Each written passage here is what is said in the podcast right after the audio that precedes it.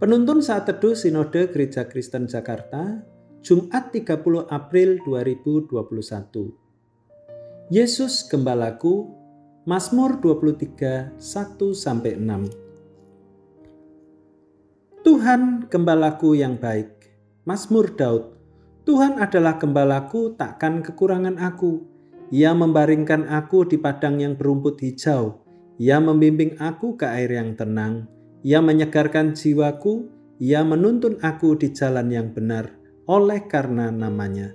Sekalipun aku berjalan dalam lembah kekelaman, aku tidak takut bahaya, sebab engkau besertaku. Gadamu dan tongkatmu itulah yang menghibur aku. Engkau menyediakan hidangan bagiku di hadapan lawanku. Engkau mengurapi kepalaku dengan minyak, pialaku penuh melimpah.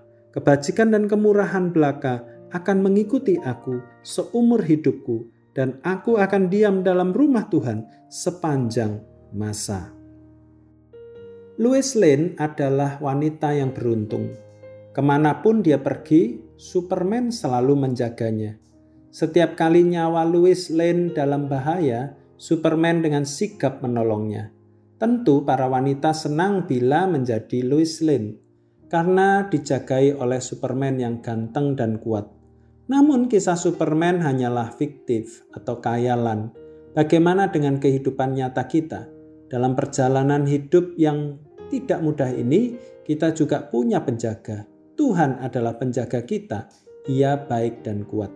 Pemasmur berkata bahwa Tuhan adalah gembalaku, takkan kekurangan aku. Karena kita mempunyai gembala yang baik, kita memiliki apa yang dibutuhkan. Gembala itu menuntun ke padang rumput yang hijau dan air yang tenang. Ia menyegarkan jiwa kita yang lelah dan bersedih. Sayangnya, kita masih harus berjalan dalam lembah kekelaman. Tapi kita tidak perlu takut. Mengapa? Bukan karena kita mampu mengendalikan situasi yang ada, tetapi karena kita punya gembala yang dapat diandalkan. Aku tidak takut sebab engkau besertaku, kata pemazmur. Di Israel, para gembala sering tidur dekat domba-dombanya supaya dapat berjaga-jaga sepanjang malam. Gada dan tongkat adalah dua senjata yang penting untuk menjaga dombanya. Tongkat adalah kait yang digunakan untuk menarik domba yang tersesat dari pinggir jurang. Gada adalah alat pukul yang digunakan untuk memukul pergi hewan buas. Kedua alat ini menggambarkan bahwa sang gembala adalah pribadi yang lembut namun tangguh. Kita aman bersamanya. Tuhan Yesus adalah gembala yang baik. Yohanes 10 ayat yang ke-11. Saat mengikutinya, Yesus memperlakukan kita dengan baik, lemah lembut, dan penuh kasih.